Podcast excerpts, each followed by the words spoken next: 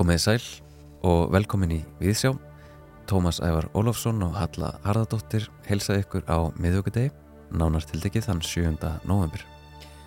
Þátturinn hefst af krafti. Hér heyrum við upphafið af 50 sinfoníu rúsneska tónskáldsins Dimitri Sjostakovits en hann er viðmælanda okkar í svipmyndagsins afar kært tónskáld.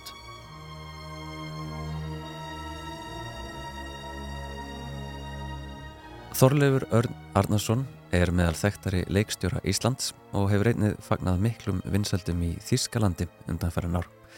Hann útskrifaðist úr leiklistadeild LHI árið 2003 og lauk námi í leikstjórn frá Ernst Busch leiklistaháskólanum í Berlín árið 2009. Á ferli sínum hefur Þorleifur sett upp fjöldaverka hér á landi og uppskorið viðurkenningar fyrir. Þar má helst nefna Engla Alheimsins, Njálu, Guðblessi Ísland og Rómjó og Júliu. Í Þýskalandi hefur hann unnið með heimsbókmyndirnar og ekki síst vaki aðtegli fyrir óperu uppsetningar sínar. Þorleifur Örn hlaut Fást velunin fyrir uppsetningu sína á ettu árið 2018, einn eftirsóttustu leiklistavelun Þýskalands, velun sem þar í landi eru einungis veitt hverjum listamanni einu sinni á æfinni. Þorleifi er umhugað um þá umbróta tíma sem við lifum á og segist finna til ábyrðar sinnar innan leikhúsmiðilsins sem hann segir vera mikilvæga tilraunastofu, siðferðisins og líðræðisins. Rými þar sem við hittum fyrir personur sem við erum ósámala en fáum að kynnast þeirra sjónahörni á heiminn. Hann þakkar uppbeldi sínu fyrir þau gaggríni sklerugu sem hann hefur geta sett upp við lestur á menningararfi og segir hinn að gefnu tólkun kanónunar á heimsbókmyndum gjarnan litaða af tíðaranda verks og orðræðu feðraveldisins. Við hittum Þorleif Örn rétt fyrir æfingu á ettu sem sínd verður í þjóleikúsinu í vetur og eins og venjulega í sveipmynd Víðsjár setur hann fyrsta lag á fónin.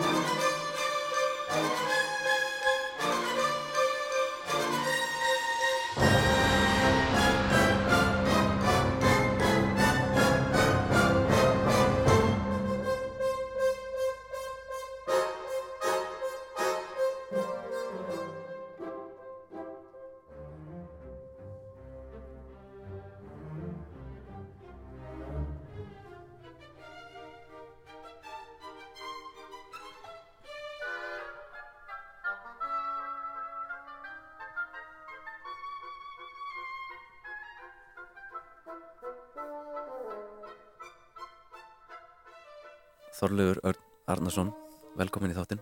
Takk fyrir. Ertu til að segja okkur aðeins uh, hvað vorum að hlusta? Já, þetta er fjóruða symfónia uh, Sjostakovits og, uh,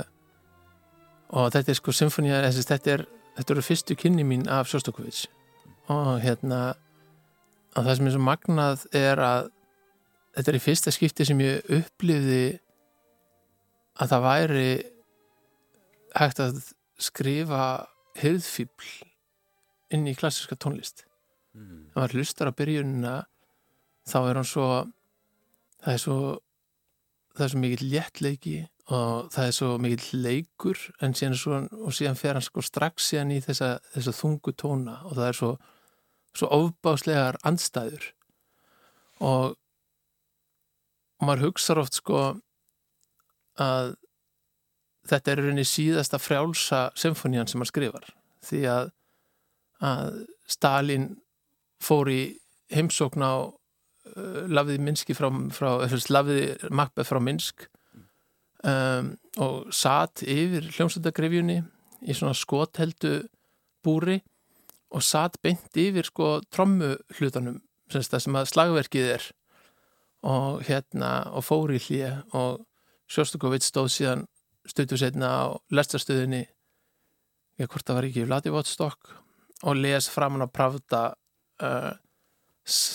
Noise Not Music og var þar uh, í rauninni bannaður.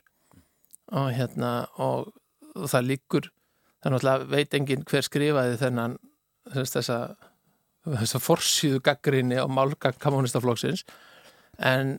það leikur ákveðin grunur og það hafi verið Stalin sjálfur þar sem að uh, hún var full af stafsningavillum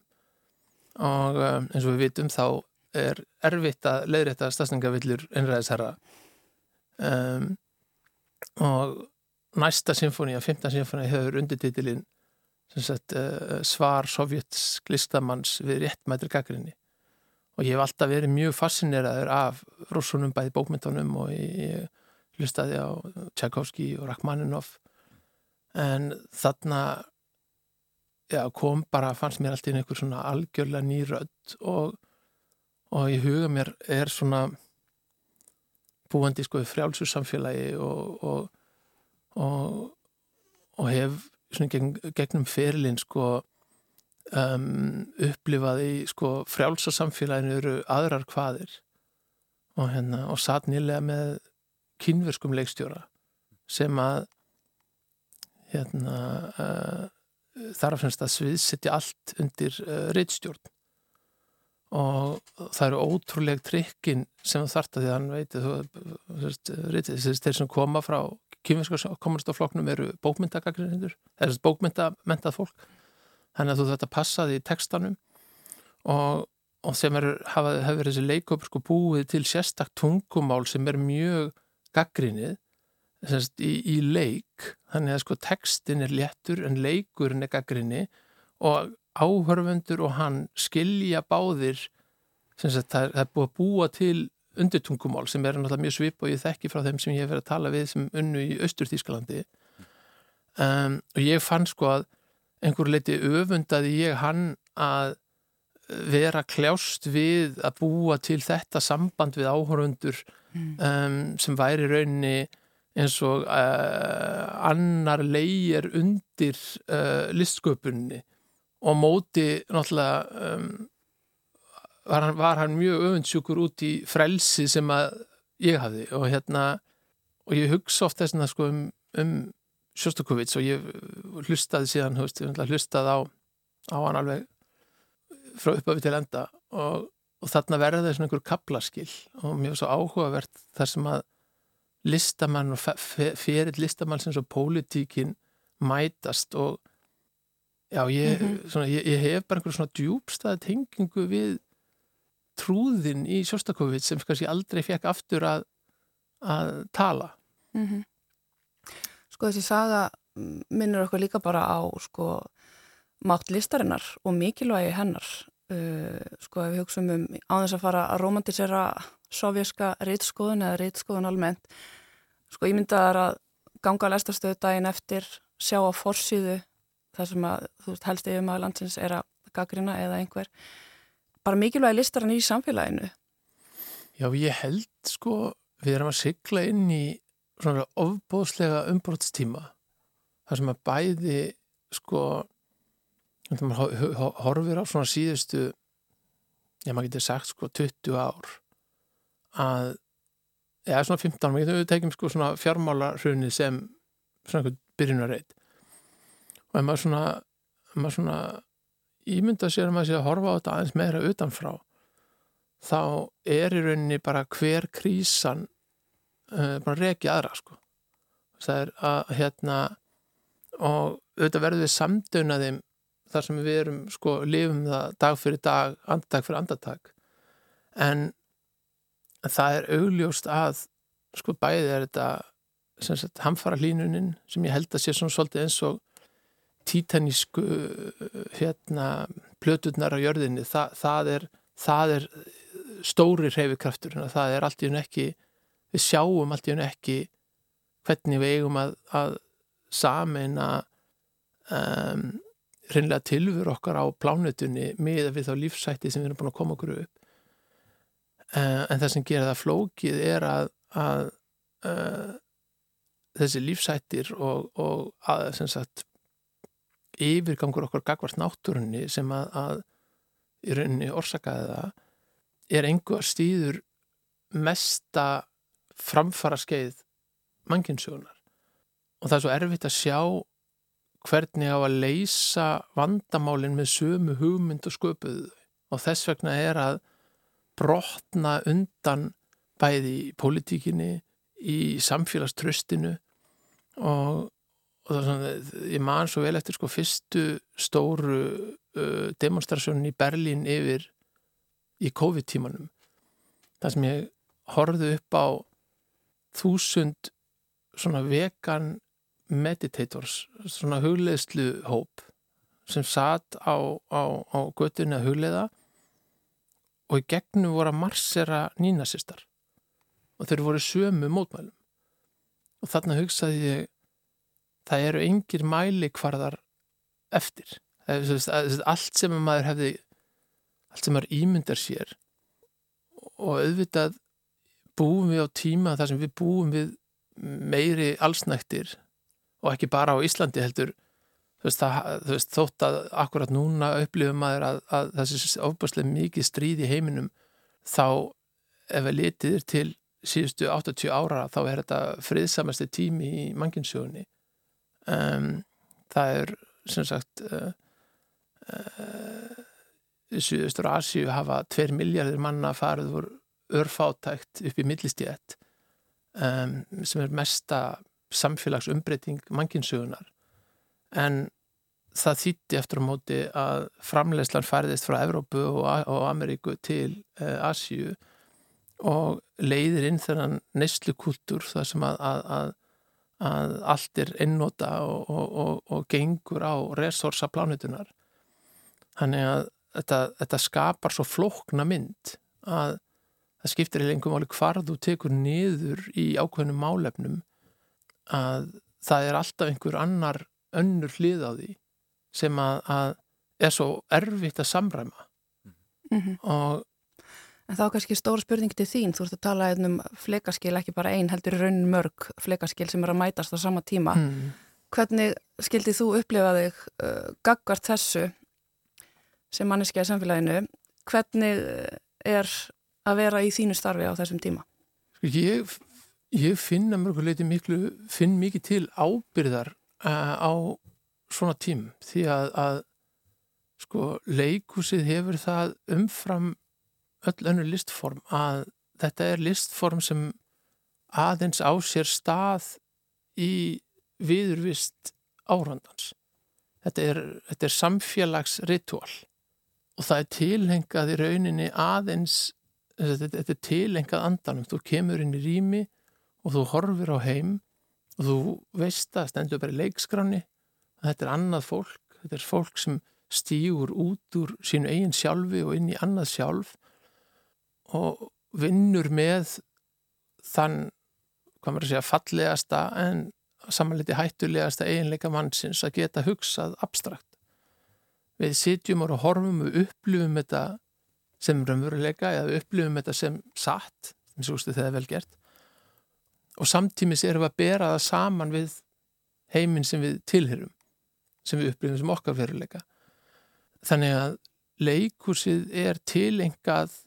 andanum. Þetta er staður þar sem að við komum saman til að upplifa, til að hugsa en ekki einu sér heldur í samningu og, um, og þannig staðir held ég að séu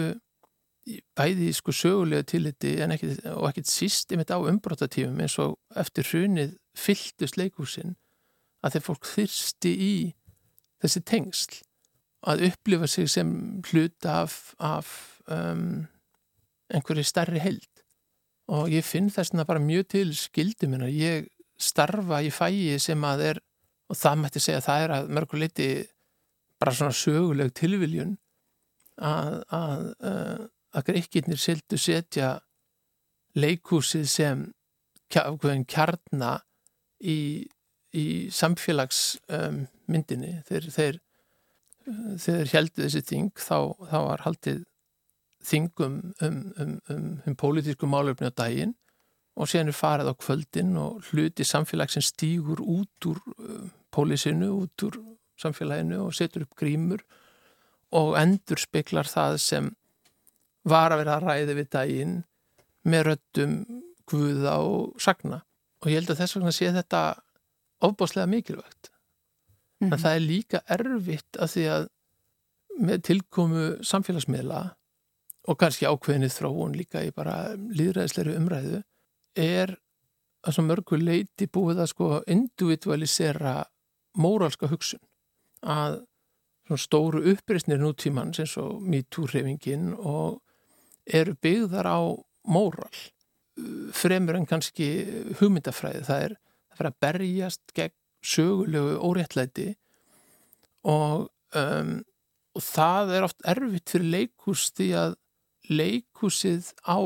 sko á, hefur auðvitað sterkar sko móralskan bakgrunn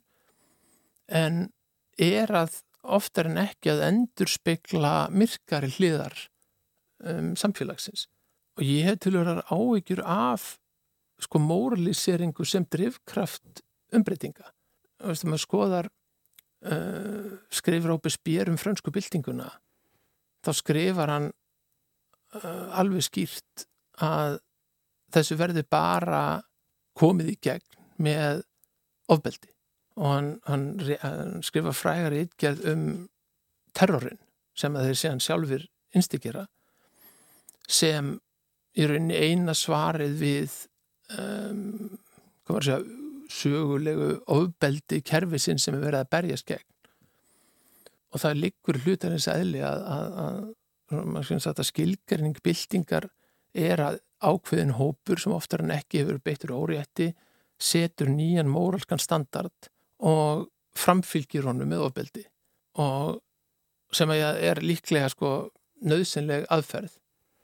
Um, en það er óbúslega erfitt eða er ekki gert í formi skipulara hreyfingar heldur raunni hver og einn á sínum mórulsku forsöndum Einmitt. Um, Áttu, þú talar um einmitt að þú finnir til svona skilduðinnar ábyrðarinnar um, og um, það er þessi móralska krafa og, og þú sem leikstjóri áttu eitthvað skonar kannski dæmi um hvernig þú hefur komið henni til leiðar í gegnum ákveðna síningu eða, eða skoðað inn í líf eitthvað sem þú ert ósamála? Ég er náttúrulega ég er náttúrulega alltaf að gera það. Um, og á Íslandi hef ég einbeitt mér tölverst að því í verkum mínum að skoða svona tilurð íslenskra menningar. Um, hér er ég á heimavelli og, og finnst mér hafa, hafa plattform til að, að skoða það. Og Ég gerði fyrir nokkrum árum síningu sem hétt uh, Guðblessi Ísland, það sem vorum að gera vorum uppgjör við raun, hrunið og, og það var mjög flókið því að við vorum að setja fólk á svið sem er ennþá lifandi og, og, og stóð sjálfa með verki uh, þegar ég var að skrifa verkið að ég var að leita að sem sagt, ég var að leita að uh, efni við fyrir Davíð Oddsson um, til að gera hann sko verri personu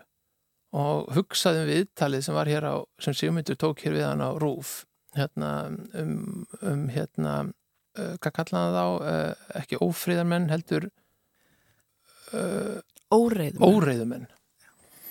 Og ég næði þetta viðtal og horfi á það og mér til mikillar hryllingar uh, var ég algjörlega sammálað af því ótsinni en myndi svo skýrt eftir að þegar ég horfði á þetta var ég brjálaður út í hann og átta mig á því að ég var að fremja svona grundvallar synd leikskaldsins sem er það að horfa ekki inn í heim karaktersin sem ég var að skrifa. Og þetta varð svolítið svona leiðandi stef að því að sko það er svo erfitt sem manneskja að hafa mótsagnarkendar tilfinningar gagvart uh, ofnbjörnum personum og ég var mjög ósáttur við hann sem fórsættisráð þeirra og ég var ennþá ósáttur þegar hann skipaði sjálfan sig mentamálráð þeirra nei, hérna, uh, fyrir ekki, sælabankarstjóra og og síðan fannst mér ræðan þess að maður líki sjálfum sig við Jésu og krossinum fyrir neðan allar hellur. Þannig að ég gekk inn með opastlega skýra mynd hvað með mislíkaði við hennar mann. En svo vill svo til að í svona viku inn í seglabankanum hefur hann algjörlega rétt fyrir sér að það sé ekki réttlætanlegt að stjórnvöldum einhvers tíma að skuldsetja margar kynnslóðir fram í tíman en ég sem kem svona kannski frekar úr svona svona sósjaldemokratísku samhengi átt að með á því og er að hlusta sigmynd sem ég oft líka verið mjög, mjög hrifin af uh, að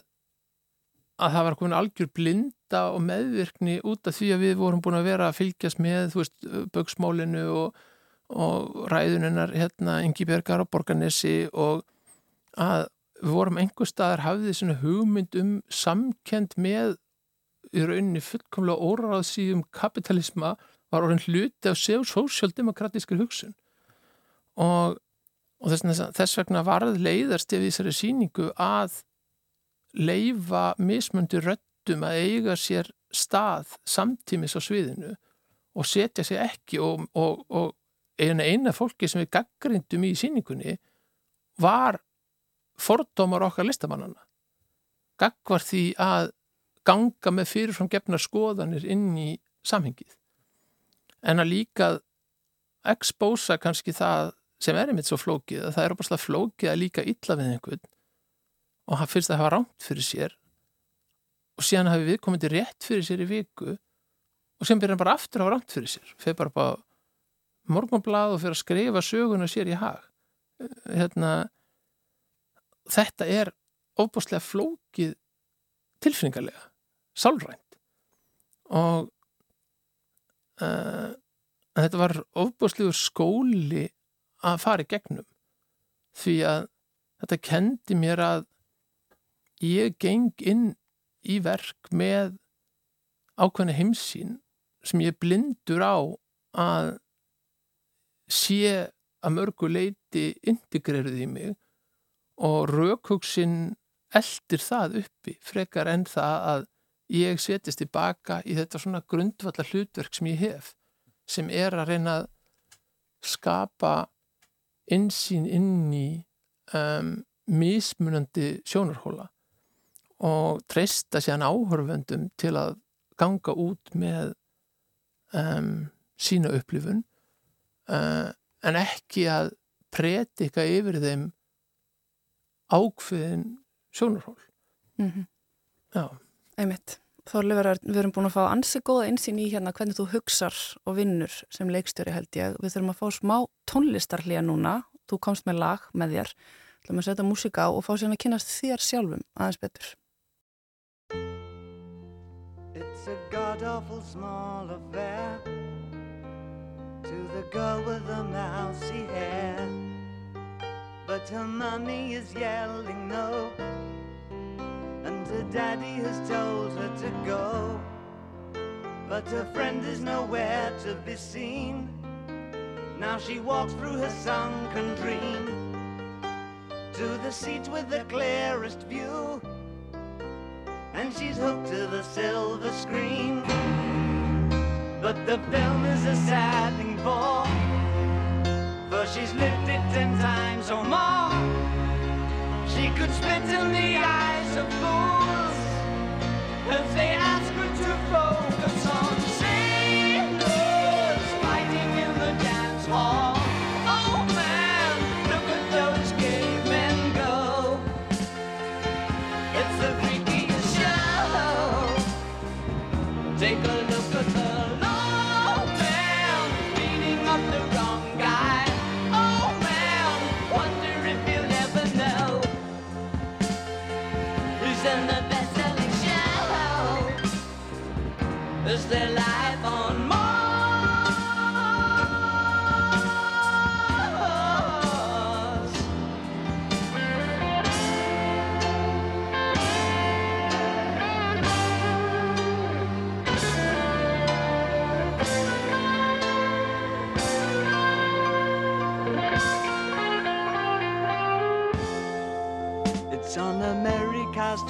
tortured brow that Mickey Mouse has grown up a cow. And now the workers have struck for fame. Cause Lennon's on sale again. See the mice in their million hordes. From Ibiza to the Norfolk Broads. Rule Britannia is out of bounds. To my mother, my dog, and clowns. But the film is a sad thing more. Cause I wrote it ten times or more. It's about to be written again. As I ask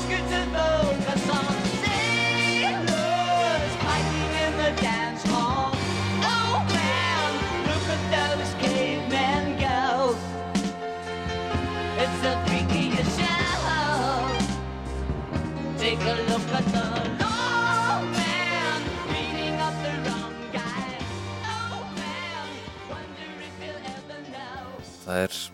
David Bowie, Life on Mars Þorleifur Örn Arnarsson uh, Mætti ég byrja á að spyrja hvað svona valdið þetta lag? þáttinn? Já, þetta lag uh, þegar ég setti upp hérna Mótur Courage í Þískalandi þá kynntist ég á kaffús í Montreal sem ég bjóð þá uh, frönskum tónlistamanni þetta var svona kaffús þar sem að listamenn skráði á töflu og skrifa, spilaði klukkutíma og fekk samlóku og, og, og, og djús í staðin og hann hafði bara einhvern svona algjöran galdur að, að, að meðan að svona þú veist, þú hlustaði kannski einhvern að æfa Bach og sem kom Trúbador og sem komið þrjú Didgeridoo og fólk svona bara svona meira og minna hverfur hann í tölvutnar sínar að þá hann hafði bara einhvern svona ótrúlega útgeislun og svona ofbóstett lag á að, að spinna upp andrúsloft og ég bara gekk til hans á kaffúsinu og bauð hann um vinnu í, Þísklandi og hann held reyndar að ég væri bara pilaður, sko, þetta væri bara eitthvað grín. Og síðan kom bara samningur og, og síðan komu sem sagt nótunar frá Dessá og hann fekk svona algjört sjokk því að hann er ekki nótu tónlistamöður og þannig að við skópum svona eigin tónheim og það var það live og mars sko ég mann, ég við þetta spiliðum held ég ekki læðið sjálfum sér heldur við notuðum sko við einhvern veginn tónlistina í því hljóðheimin varð svolítið svona bak hljóðheimur sko á þeim mómentum sem þau eignuðist ákveðu öryggi í, uh, í öllum stríðsræksturum og hérna og úr því var svona tradisjón að sem sagt ég syng ekki ofnbeglega en ég syng alltaf live on Mars í frumsýningapartíum og við undirspil Gabriel hérna uh, tónlistamars og við erum komin með alveg svona útgáfur veist, að, og við breytum í hverskipti þannig að hérna, þetta er svona lag sem er búið að fylgja mér í gegnum allan fyrirlin í Þísklandi Fallegt. En uh, Þískaland, þú, þú fleitur þangað svona í kringum þessa síningu Guðblæsi Ísland sem vorum að ræða áðan Hvernig myndur þú segja að Þískaland hafi mótað þig sem listamann og, og það að verða uh, í rauninni leikstjóri í þýskum leikusum? Já, ég, sko, ég læri í Berlín þannig ég, semst, ég búið þar áður og um, og, og það kallaði alltaf að fara út aftur, sko og, og ég og, og þá er þetta kona mín annar hún við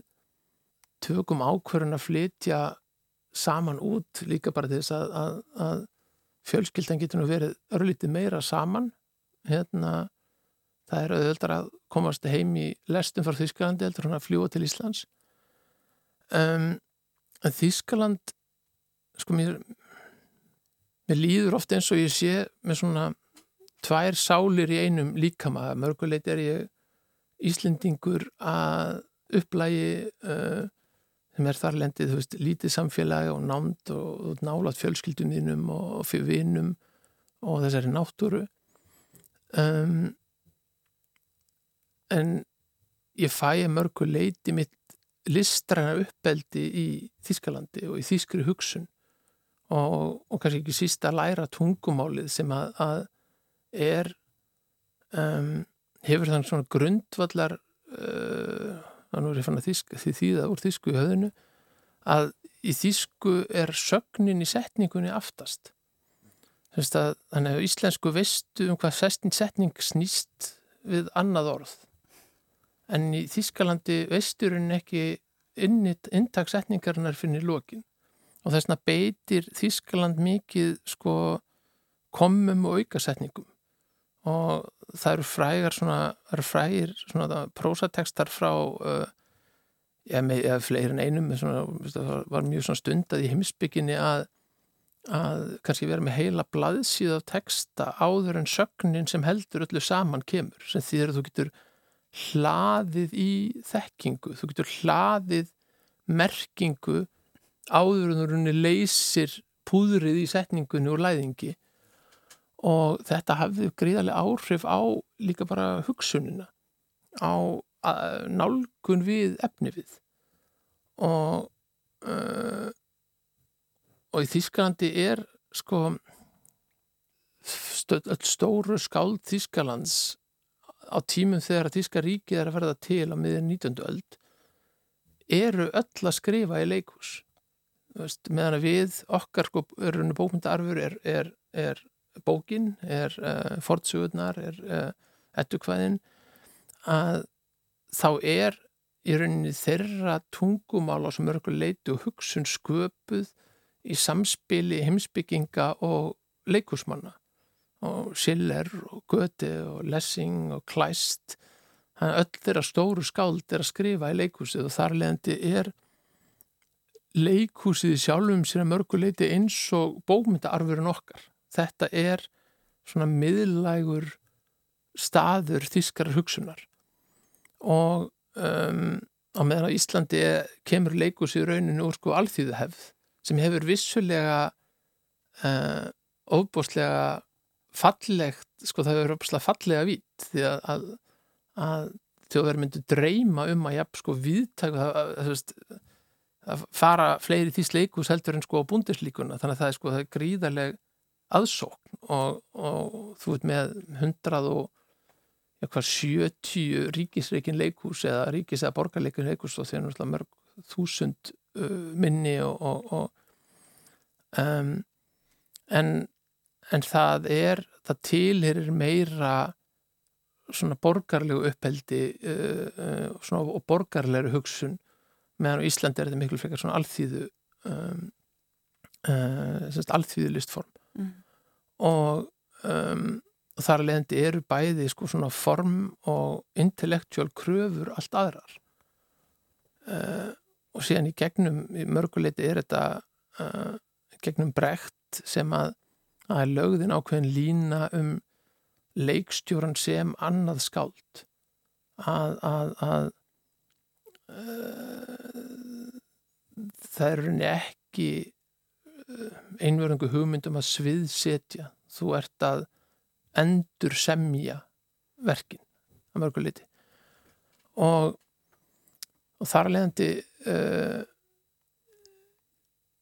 elst ég þar leðandi listrænt upp í já, í rauninu allt annari nálgun. Og sen hef ég oft verið að uh, samin að það fegursta í þessum báðum nálgunum sko, bæði hérlendis og erlendis um, mm -hmm. Þú þú stýgur inn í þessa miklu hefð og sko í Þýskalandi eins og þetta lýsa hérna er, þetta er þung og mikil og djúb menning fyrir leikusinu og leikstjórar það er borin mikil virðing fyrir leikstjórum og uh, þeir eru svona höfundurinn og hérna og þeir eru gengið afskapla vel fengið mikið velunum og, og ertamáli segja Holger Súber stjarnar í hennum Þýska leikusheimi Þannig að mér, mér er forðanlega að spyrja það út á alveg uppið mitt, kemur úr þessu alþjóðleikúsi, úr alveg upp að feministum, hvernig þetta samaramist svona þinni heimsmynd að vera allt í norðin eitthvað súperstjarnar og álitin hálgert síðan í?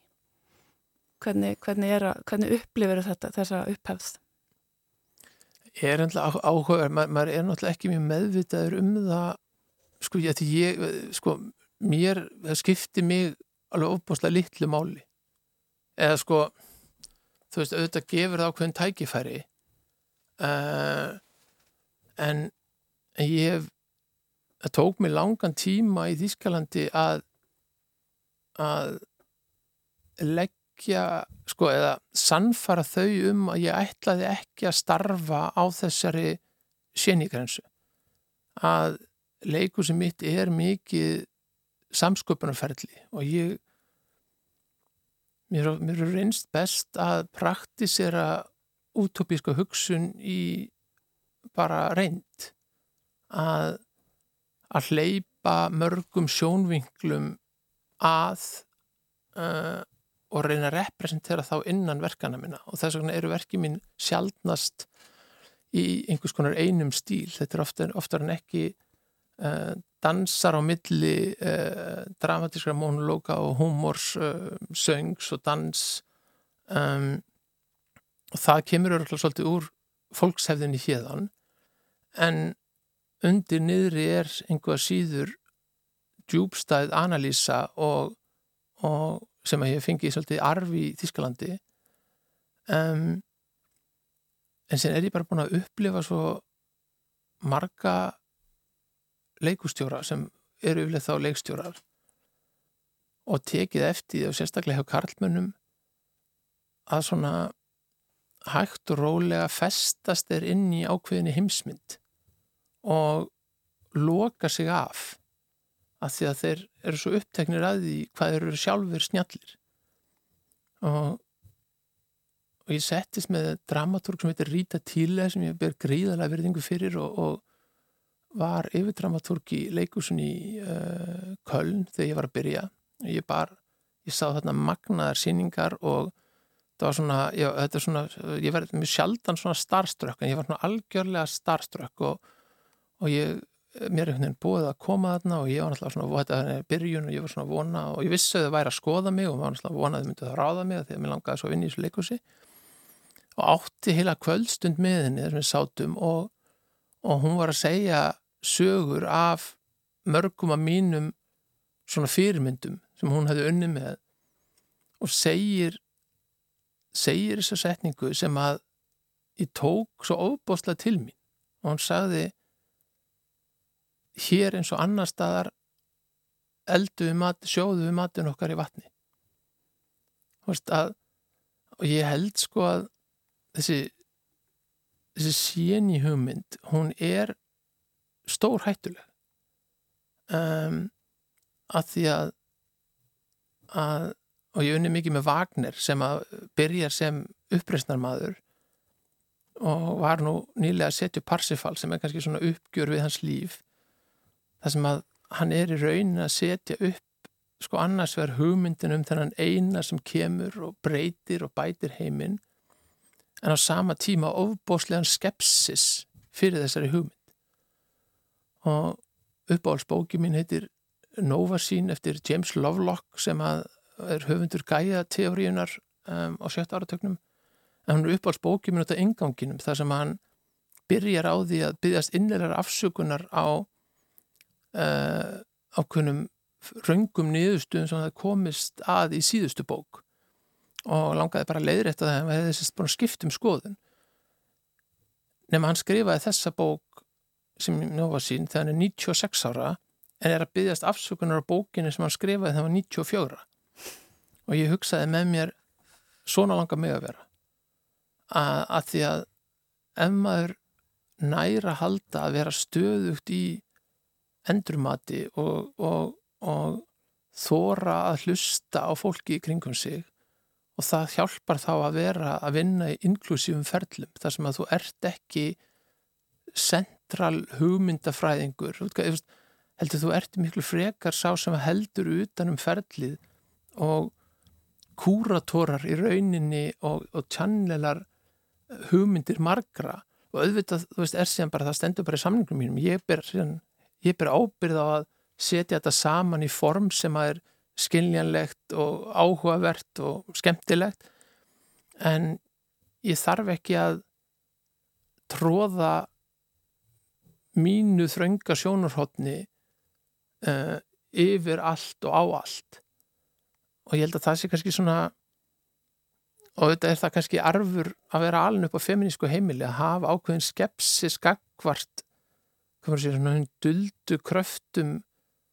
uh, patriarkjunar þar sem að kallmannum er sagt að, veist, að, að, að tala ekki um tilfinningar sínar og halda þessum óta inni og, og hérna og, og reysa sér minnismerki. Um, og ég held að maður þurfa að byrja á þessu snemma. Ég held að það er of sent að byrja á þessu þegar þú ert búin að byggja babilturnin sko. Mm -hmm. og einmitt, já, þetta er svona þetta sífælt að endumat og byrja á því snemma það er kannski svona pínu enginnismerki á þínum síningum uh, þú ert að skoða oft gamlar heimildir, gamlar sögur um, afbyggja og endurbyggja á einhvern hátt hvernig byrjar svo tilhörnamennska á þínu ferli? Sko, hún kemur í grunni, þú veist, það stærsta gjöfun, sko, Hariri talar um að feminismi sé magnaðasta um, samfélags umbreytingar hugmyndin sem komiðu fram í mannkynnsögunni og, og ég býfið að vera alin upp á feminísku heimili sem þýðir að ég hef aðganga glerum sem ég get sett upp og lesið lesið verk án þess að gangast inn í samþygt og fyrirfram gefnum hugmyndum á verkunum. Og ég held að mörguleitum það sem ég er að vinna með er minna gömlu sögurnar. Ég er að vinna með menningarsögurna og tólkunina á þeim. En dramaturgi núna í Parsifal, hún ringdi í mig viku fyrir frimsýningu í algjöru, algjöru uppnámi því að hún þurfti að skrifa um, inn, í, inn í leikskrána svona söguna þannig að fólk geti svona, veist, fólk við geti svona lesið, þú veist um hvað söghan er leikur svo svo magnað, þú vilt alltaf vita hvernig það endar á það að byrja og hún hafði ekki, hún sagði ég, hef, ég tók ekki eftir því í ferlinu en tólkunn á þessu, hún er svo radikal en samt kemur hún öll úr því sem stendur í textan og þá stóðun alltaf frammi fyrir því að geta eiginlega ekki skrifað sko Um, þetta er handlunga þýsku sem er sko ekki myndið saga heldur það sem gerist að því að það er svo langt frá tólkunarsögunni sem er búið að samþykja sem svona hérna kanonísku tólkunarsögu þessa verks. Eða bara eins og hér með við gerum Rómi og Júliu að ef maður snúið þessu við og þetta væri Júlió og Rómea þá getur lofað ykkur þetta væri verk, þetta væri uppreysnaverk þetta væri svo ræningetnir eftir Schiller, þetta væri verkum ungan mann sem berst gegn ofríki hérna konungasamfélagsins og frelsar sig. En að því þetta er kona þá er þetta ástarsaga. En Júlia er einhver magnaðasti anarkist í leikursbókmyndunum og, og það er þarna sem ég er ofta að vinna. Ég, ég er að af mystifæja menningasöguna uh, nú verðum við að, að, að sviðsetja ettuna í þjóðlukursinu og ein af sögunum sem við tökum fyrir er Hamarseimtin og Hamarseimtin sko því ég er að lesa þetta sem barn þá er þetta bara svona skemmtileg saga og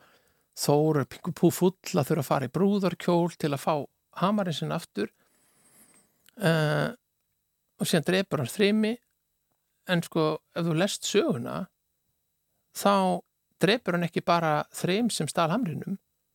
hann drefur alla viðstata í brúköpunu hann drefur alla, alla karljötnana hann drefur alla kvennjötnana og hann drefur öll börnin. Hann fremur genocide. Og við eftir á móti erum með svona, svona hetju hugmyndin er svo djúft integrerið í okkur. Um, og þá og það að því loknu situr þóra eftir hans hlutverk menningarsögulega er að vera vekkurinn að vera verndarinn og vera þá sem heldur tröllunum frá. En það er alveg ljóst í sögunni að tröllin eru sami ættbalkur og æsir. Komur sama uppruna. Og rétt eins og við komum upprunlega úr Afríku. Og nú byggjum við múra og, og, og þetta fólk druknar í miðjararhafinu og hérna og, og uh, að því við erum búin að byggja okkur síðmenningu sem við teljum vera svo merkilega og er mörguleiti mjög merkileg um, og þá byrjar ferli það sem að úr mögnuðum hugmyndum lokast heimurinn af og nú á að halda því sem við eigum á kostnað hinna. Þetta er saga um þetta. Einmitt, gott að enda á ettunni af því að allir geta farið í leikús um jólinn og sé þetta, þessa nýju uppsetningu sem að þú fæst meðal annars fástvelunin fyrir í Þýskalandi en þetta er allt önnur uppvæsla núna, ekki satt? Jú, ég sko áttaði mig á því í ferlinu í Þýskalandi að uh, ég væri að gera ettu fyrir útlendinga. Þeir, þeir, haf, þeir, þeir höfðu engan svona grunnskilning á þessu. Þannig síningin þurfti að verða svolítið eins og um, efni sem þú kemur með sem að engum er þekkt. Og, og þess vegna varði ég að endur heimsækja og, og, og ég fann það svo skýrt úti að ég, ég verða að gera þetta heima það sem að þetta er hluti af tilurðinni, þetta er hluti af móðurmjólkinni á Íslandi og gefur okkur þar leðandi líka möguleika á að,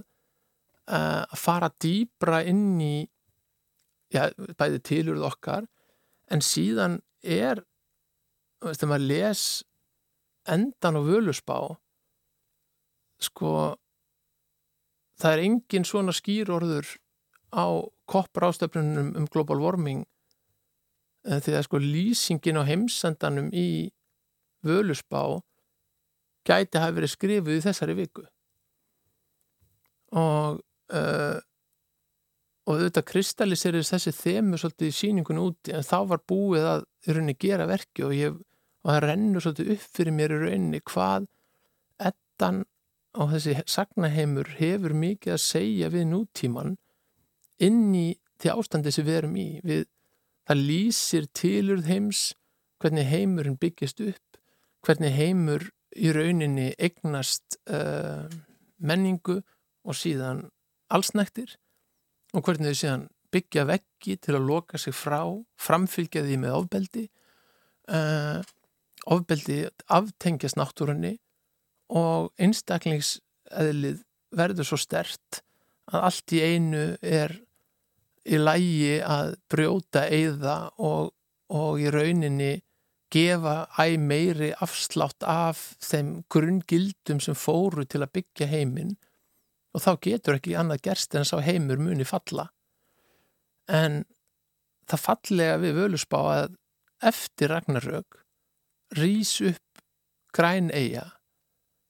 þar sem að uh, guðirnir í, í formi ljós